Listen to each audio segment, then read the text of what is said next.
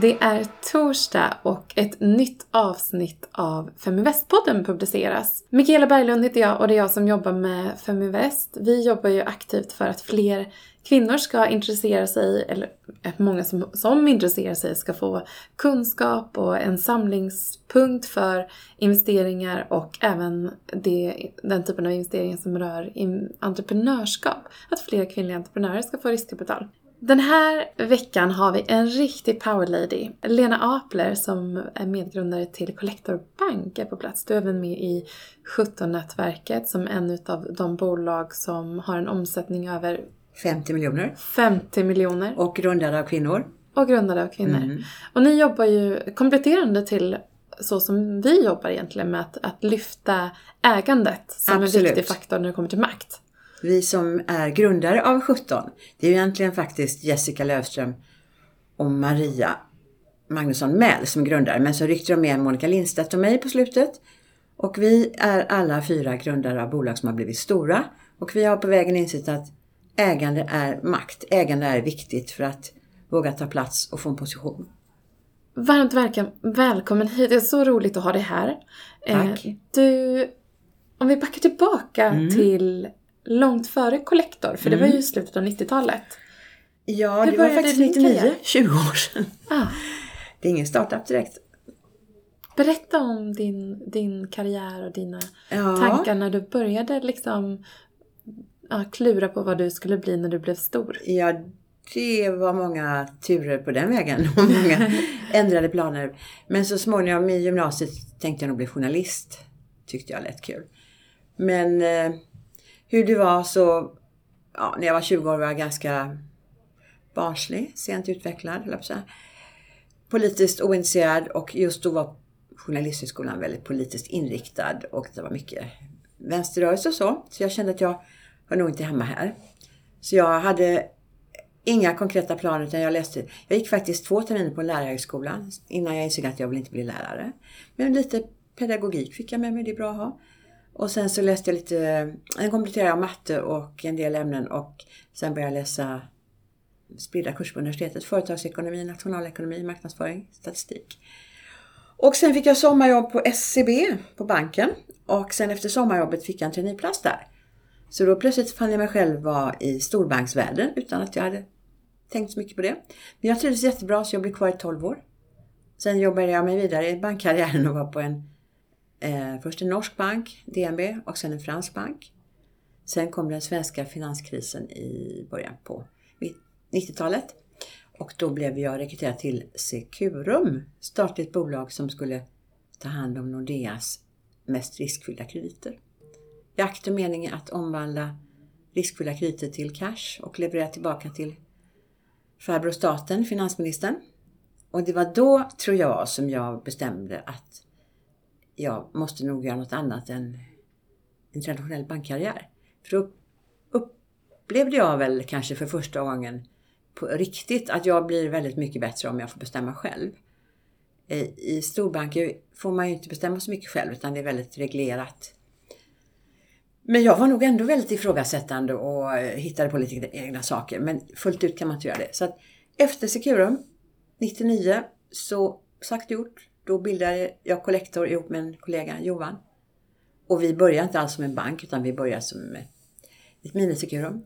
Sen blev vi ett 2004 kanske, 2003, modernt finansbolag. Och sen blev vi en digital bank 2015. Och så noterade vi bolaget på Stockholmsbörsen samma år, i juli 2015. Ja, Kul, mm. häftig resa. Mm. Jag förstår att det är oerhört mycket hårt arbete som ligger bakom den resan. Ja. Men också en medveten liksom, strategi och en, en... Du visste ju lite vad som saknades. Ja, men att det var ingen medveten strategi från början vill jag säga. Utan, nej, men vi bildade ett minisekurum för det gjorde vi väldigt bra och det tyckte vi var inte alls ämnat för att det skulle komma finanskriser utan för normala problem som alltid dyker upp i bank och finansvärlden. Du vet, det kan vara branschproblem det kan vara ja, bolag som får det jobbigt helt enkelt. Men sen, då hade jag varit involverad i akut problemlösning i Securum i fem år. Och efter ytterligare tre år på Collector så kände jag att det var så dränerande att bara lösa problem. Alltså, det, det är lärorikt och utvecklande men det tar mycket energi. Så någonstans då där efter dotcom-bubblan sprack, IT-krisen 2002-2003. Vi gjorde massor av rekonstruktioner. Så kände jag, nej men vi måste göra något framåtriktat, något eget. Och då bestämde vi oss att bli ett modernt finansbolag. Så det blev vi väl 2004 kanske. Mm. Du har ju en, en, en utstrålning som är väldigt mycket Pippi Långstrump tycker jag. Alltså det, Ja. av det jag, lilla jag sett av dig. Mm. Eh, att så här, äh, det fixar vi. Ah, nej men då gör vi så här. Nej men nu är jag less på det här. Då gör vi så här istället. Är det lite så? Ja, det är nog lite spot on. Det är nog min personlighet, det är lite sån. Alltså jag kan inte... Jag, för det första så kan jag inte riktigt se att det ett problem inte går att lösa. Utan då får man hitta ett annat sätt bara. Och sen så... Ja men Pippi var min idol när jag var liten så det är ju rätt kul. Jag kanske inspireras redan då. Jag tyckte det var så fantastiskt med en liten kavat tjej som var så stark och samtidigt snäll. Men som inte lät sig skrämmas eller bekommas av att alla sa att det här går inte, så här kan man inte göra. Jo då, sa Pippi. Det kan man. Och när någon frågade henne om hon kunde till exempel dyka. Det har jag aldrig prövat, men det kan jag säkert, sa hon. Alltså, det är en, en inställning och mindset som är rätt härligt. Att allting går. Ja. Ja, kul. Det ligger någonting. Och det, det krävs ju lite den typen av mindset också för att skapa någonting nytt i Ja. en så pass konservativ bransch. Absolut. Tänker jag. Ja, det gör det. Ja. Eh, men vad är det som driver dig idag då? Nu har du ändå kommit en bit på väg. Ja, ja men vi har ju... Ja men ser man... 20 år är ju en jättelång tid i och för sig. Men ser man nu tillbaka på de här åren så har det ju hänt jättemycket. Jag menar nu har vi en... Som sagt, vi noterar på Stockholmsbörsen ett börsvärde på över 5 miljarder. Vi har en balansräkning på över 30 miljarder. Eh, Så vi har ju vuxit enormt och utvecklas på vägen. Och det är lite det som driver mig. Jag är inte alls bra om saker och ting står still. Jag är ingen förvaltande person utan det måste... Jag är väldigt nyfiken, jag vill gärna se vad som finns runt hörnet, jag måste gå vidare. Och även om vi är stora nu så är vi ju pyttesmå jämfört med många andra stora aktörer.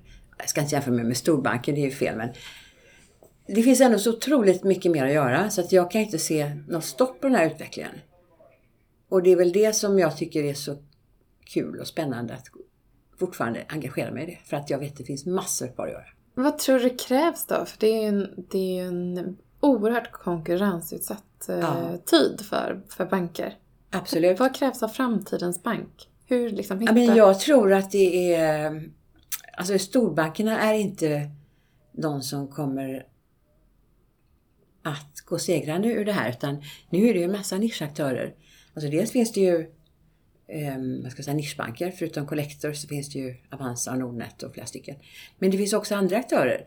Eh, ett gäng som specialiserar sig på bolån. Eh, och det finns de som bara gör betalningar. Det finns, och sen ser vi ju aktörer utanför den traditionella finansbranschen nu. Så allt från de stora med Apple och Google och Facebook till små mindre aktörer. I Sverige finns det ju till exempel Tink och Dreams som är inne och tassar på området. Även om de än så länge inte bygger egen balans utan de har mer ska säga, förmedlare och informationstjänster. Sen några robotrådgivare som du har Lysa, Betterwealth, allt vad de heter. Men det här gör ju att det blir, man knaprar på alla olika, Ja.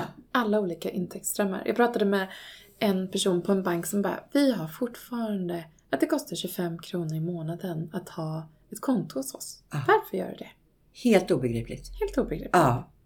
Och dessutom, jag kan inte förstå att så många människor har så mycket pengar på sparkonton i storbanken när man inte får en enda liten tiondels procent i ränta. Medan vi, väldigt många nischaktörer, vi, vi erbjuder ränta på våra konton. För sparande från allmänheten, det har varit en av grundstenarna i vår tillväxt. För du vet, kvintessensen av bank, det är ju att man lånar in pengar från de som har för mycket och så lånar man ut till de som behöver pengar. Det är ju väldigt enkelt egentligen. Och för att vi ska få tillgång till pengar så måste vi ju vara lite bättre än storbankerna. Så hos oss får man 0,85 procent utan att binda pengarna. Och har man binder man dem så får man kanske 1,20 och 1,40. Och ändå så är det massor av människor som stillatigande accepterar att de har noll i ränta. Men det är så att jag tror att rätt få tycker att privatekonomi är kul. Man vill lägga minsta möjliga tid. Det är därför jag tror mycket på aktörer som Tink och Dreams, för att de gör det lite mer lustfyllt. Mm. Och där, den vägen ska vi gå. Vi har inte varit så bra på att hitta, ska vi säga, de här lockande alltså features som tycker, gör att man tycker det är kul att kolla. Alltså man kanske vill se hur Spira. Ja, Spira är ett sånt alternativ. Bra att du säger det. För det är en, faktiskt en månadssparande i aktier. Och det är för den som inte är så himla road av aktier som man vill hålla på och följa börsen varje dag. Men man vill ändå spara långsiktigt i aktier. Kanske för att köpa första bostaden eller tänka på sin pension rent av, jag vet inte. Men där avsätts ju ett månadsbelopp, säg 3000 spänn. Och då köps det aktier för hela det beloppet. Då får du till exempel det vi har nu, det är en investmentbox. Då får du börsens åtta största investmentbolag. Så du köper alltså delar av aktier. Så det är inte så att du behöver vänta tills du har sparat ihop tillräckligt för att köpa allihop. Utan du får varje månad köps det för 3000 spänn. Så, punkt slut. Och när man ser ränta på ränta-effekten över tid så blir det väldigt mycket pengar. Eftersom det här inte det är lite roligare än en fond tycker jag. Mm. Och det är väldigt bra riskspridning ändå Väl, med ja. investmentbolagen där. Om man tänker sig att det är ändå några av Sveriges mest framgångsrika rika familjer. De har väldigt bra och duktiga människor som placerar för dem. förvaltar. Så Mm. chansen är ganska stor att man lyckas bättre än om man gör det helt på egen hand. Mm. Men hur, vi är inne och nosar på området, men Ja. hur ser relationen till, till eh, kunden ut framåt? Mm, För- det är väldigt intressant. Det pratar innan. vi mycket om just nu. För på privatsidan är vi helt digitala. Och det innebär att vi vill ju skapa en personlig fast digital relation. Och vad vi har idag, vi har ett väldigt stort contact center som är bemannat av män och kvinnor i alla åldrar. Eh, nej, inte alla åldrar ska jag inte säga, utan vi har rätt många timanställda som går på Handels i Göteborg till exempel, där vi har huvudkontor. Eh, sen har vi en del fastanställda och vi har, jag tror det är 14 språk. Det är vår enda direkta kontaktpunkt med, med privatkunder. Och det kan vara telefon, det kan vara sms, mail, chatt, vad du vill. Och där gäller det att vi är duktiga och bygger en relation så att kunden inte saknar den personliga kontakten. För jag tror egentligen att väldigt få ger sig tid eller ens vill gå in på något bankkontor idag, utan du vill sköta allt i din telefon. Men ibland behöver du prata med någon om det är ja, frågor eller svåra saker. Och då ska man kunna få den hjälpen där. Sen för standardfrågor så håller vi på att träna upp en robot som ska kunna ta hand om och standardisera de frågor och svara. För det är precis som du säger att jag tror att även om vi är alldeles så rationella och även om vi kör allting via telefonen så vill man ändå dels kunna lita på naturligtvis det som trots allt är en bank. Och du vill också ha, ha möjlighet att snabbt få svar på frågor, stora som små. Och då måste man liksom utveckla det så att jag, jag tycker att vi har landets bästa kontaktcenter, men jag, är- jag är inte helt objektiv lite kanske. partisk. Ja, lite partisk. Ja. Eh, vad kommer roboten heta? Lena? Nej, det tror jag inte, för då förknippas det för mycket med mig. Ja. Vad- vi sa ett tag att de skulle heta Kolla. Det är trevligt. Ja, ja, det är bra Ja, det var lite fyndigt. Mm. Nu får du möjlighet att vara ännu mer partisk. Men Ja. hur, hur är Collector annorlunda? Ni är digitala, nämnde du. Ja, vi är digitala. Det finns det ju fler som är, men vi är annorlunda så tillvida att vi har dels en privatmarknad, sen en ganska stor företagsmarknad. Där skiljer vi oss från alla våra konkurrenter som är nischbanker då. Och min tanke med det från början var att man skulle vara mindre beroende av konjunkturer och lagstiftning för den delen. Och konkurrens. För vi vet ju att privatmarknaden är väldigt reglerad. Det kommer nya lagar och bestämmelser hela tiden. Och dessutom vet jag nu att den marknaden är oerhört konkurrensutsatt. Framförallt när det gäller en produkt som är väldigt enkel, privatlån. Det är lån utan säkerhet. Där finns det ju då ett antal låneförmedlare där du som kund kan vara ganska nöjd för du får låneerbjudanden från många håll och så väljer du det som är billigast. Mm. Det där skapar ju ingen unikitet och det skapar ju i sig ingen kundrelation dag ett heller för dag ett har man ju kontakt med låneförmedlaren. Men vår konststycke är att skapa en relation med de som väljer oss och se till att de tycker om oss och vill vara kund hos oss. Och göra fler saker. Spira och spara och kanske vi har ett väldigt bra kort som vi har varit ganska dåliga på att komma ut med tycker jag. Vi har ett kort som heter Easy Living och där är inga valuta, inga växlingsavgifter, vi lägger inga påslag. Och det är nästan, jag tror att vi är tre kort i landet som inte gör det. Men det har inte vi lyckats eh, på ett bra sätt tala om. Nej. Nej. Faktiskt. Ja. Det är massa saker kommunikativt som inte har lyckats bra med. problematiskt när man är ett litet, Mm. ett litet bolag på ändå. Ja. Att det, Jämfört med storbanken är vi precis. små. Och du vet, med den informationsmängd som far runt idag på sociala medier. Det är svårt att sticka ut i bruset. Och jag tror att man måste kanske ha en mycket, mycket vassare kommunikationsprofil än vad vi har haft. Så det jobbar vi med just nu. Spännande. Sen var det ett tag så att vi fick ju lite stämpel av att, vi var en kvinnobank. Och det är väl bra. Vi har ju rosa som en typisk färg på allting på kort. Eller man kan välja rosa, orange eller lila tror jag. Men vi kunde gjort mycket mer av den profilen för att de flesta kvinnor idag har egen ekonomi och kanske väljer självständigt var man vill vara kund och vad man vill ha. Och då tror jag att vi kunde dragit mycket mer nytta av det än vad vi faktiskt har gjort. Sen ska man inte exkludera den andra delen av populationen. Män får gärna vara kunder hos oss. Men man kunde liksom fått en liten take där på att vända sig till kvinnor lite mer. Mm. Du har varit inne på det om Collectors-resan då från, från slutet av 90-talet. Mm. Vad, vad, var, 20-årsjubileum i år. ja, vad var banken då ett svar på? Du, Då var banken ingen bank för det första. Vi Nej, blev bank precis. så sent som 2015. mm, Eh, Men då var vi svar på det behovet vi, vi såg under Securum-epoken. Nämligen att det finns massor av, vad ska jag säga, stora och små problem som skapas i banker därför att man har lånat ut för mycket pengar och tagit för lite säkerhet eller man har kunder i fel bransch. Då var vi mer problemlösare, rekonstruktörer. kan du dra dig till minnes någon tuff situation? Alltså när du, har du känt någon gång, nej vi kanske går omkull? Nej, ja alltså tufft var ju, de första två åren var ju tuffa. Men ehm, Med den där kniven mot strupen hela tiden? Eller? Ja men det är det ju för att jag lovar också min medgrundare, han tyckte att jag hyrde ett alldeles för stort och dyrt kontor. Och så sa jag, men man måste ha en profil, vi är seriösa, vi ska göra avtryck och då kan man inte sitta i en liten källarskrubb utan vi måste ha ett snyggt kontor. Och jag lovade Johan att vi ska vara kassaflödespositiva varje månad. Han spelade ju mig utan att ha en aning om hur. Men det var ganska nyttigt för då kände jag, har jag sagt det och då måste jag leva upp till det. Så i första året fick vi ju, var vi lite diverse handel. Vi tog konsultuppdrag och allt möjligt där vi kunde hitta intäkter. Och faktum att vi var kassaflödespositiva varje månad, även om det var på snäppet sådär. För vi hade ju bara satt in våra egna sparpengar så vi hade, hade ut jättemycket kapital.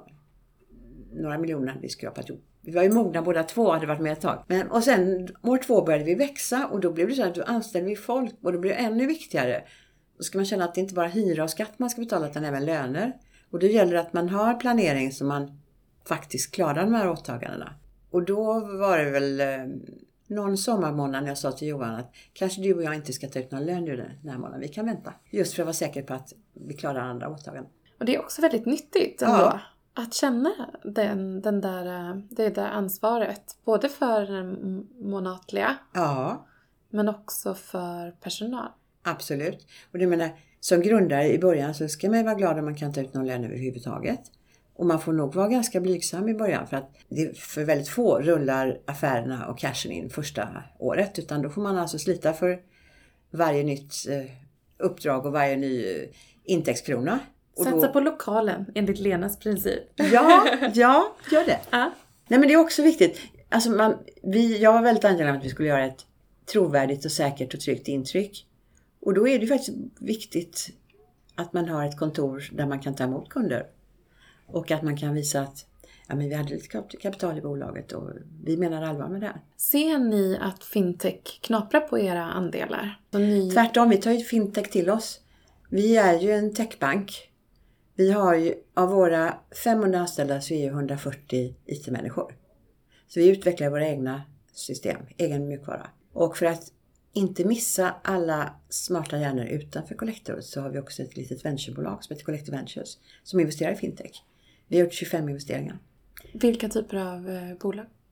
Enbart fintech. Mm. Och det, kriteriet är... Privata eller mot bolag eller alltså mot, privat, mot privatkunder eller mot bolags... Nej, det kan vara både och. Både och. Det väsentliga är, ett kriterium är att vi ska kunna dra nytta av produkten eller tjänsten eller plattformen i Collector, Collectors verksamhet. Sen spelar det ingen roll om det är privatsegment eller payments som är e-handel, alltså betalning för e-handel, eller företag. Så det finns både och. Mm. Eller alla tre. Hur eh, kommer ni att växa framåt? Delvis genom de här, de här olika investeringarna såklart. Fintechbolagen, ja det hoppas vi ju. Mm. de ska hjälpa oss att bli, ska vi säga, ännu mer vad ska jag säga, drivna internt. Automatisera. Jag tänker mycket på hur man kan använda AI nu. Alltså vi har ju investerat i ett par robotrådgivare till exempel. Så, eh, ja, Better Wealth igen. Och sen Sigma Stocks. Och det är också för att vi ska kunna erbjuda våra privatkunder en, ytterligare tjänster. För vi har ju inte allt inhouse. Vi har ju ganska få. Vi har, på privatsidan har vi privatlån utan säkerhet. Vi har bolån för bostadsrätter, digitala bolån för bostadsrätter. Ny testprodukt. Sen har vi då de här bra korten och sparande med ränta. Det är allt vad vi har. Och vi har till exempel inte lönekonto ska jag säga, för det är lite komplicerat.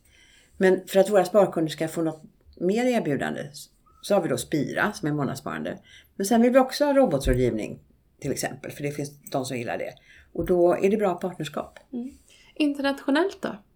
Vi finns i Norden. Men vi är väldigt nöjda med Norden än så länge som hemmamarknad. För vi har mycket kvar att göra i Norden innan vi behöver gå längre bort. Och det är ändå så att om du jämför, ju längre söderut i Europa du kommer, ju mer annorlunda blir det. Så länge vi har så pass små marknadsandelar i Norden så oss på det. Hur ser en, en arbetsdag ut för dig? Ja, nu är den ju lite eh, annorlunda från dag till dag därför att nu är jag inte längre operativ utan nu är jag arbetande ordförande i Collector.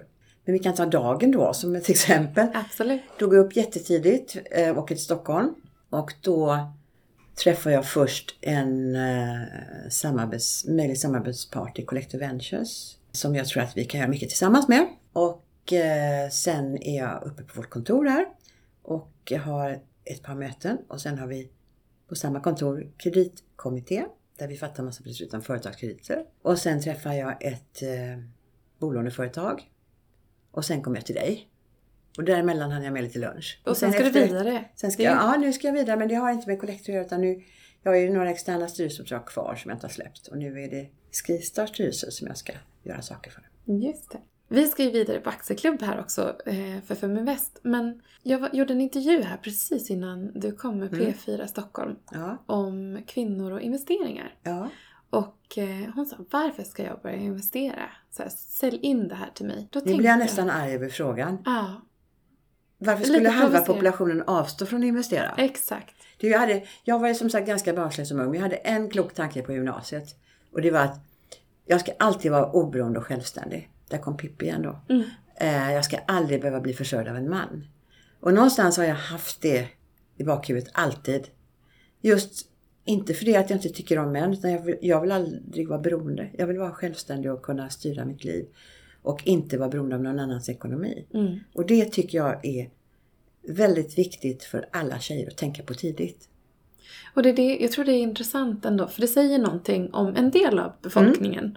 som inte alls har eh, en, eh, liksom, ja, men en tanke om värdet i det. Och det, du nämnde själv under det här samtalets gång, privatekonomi mm. är inte så spännande. Nej. Pension, usch! Fy vad tråkigt, åh ja. vad långt bort det är från någon annan att mm. eh, Och det är en av Feminvests ambitioner, att göra det här eh, roligt mm. i relation med andra.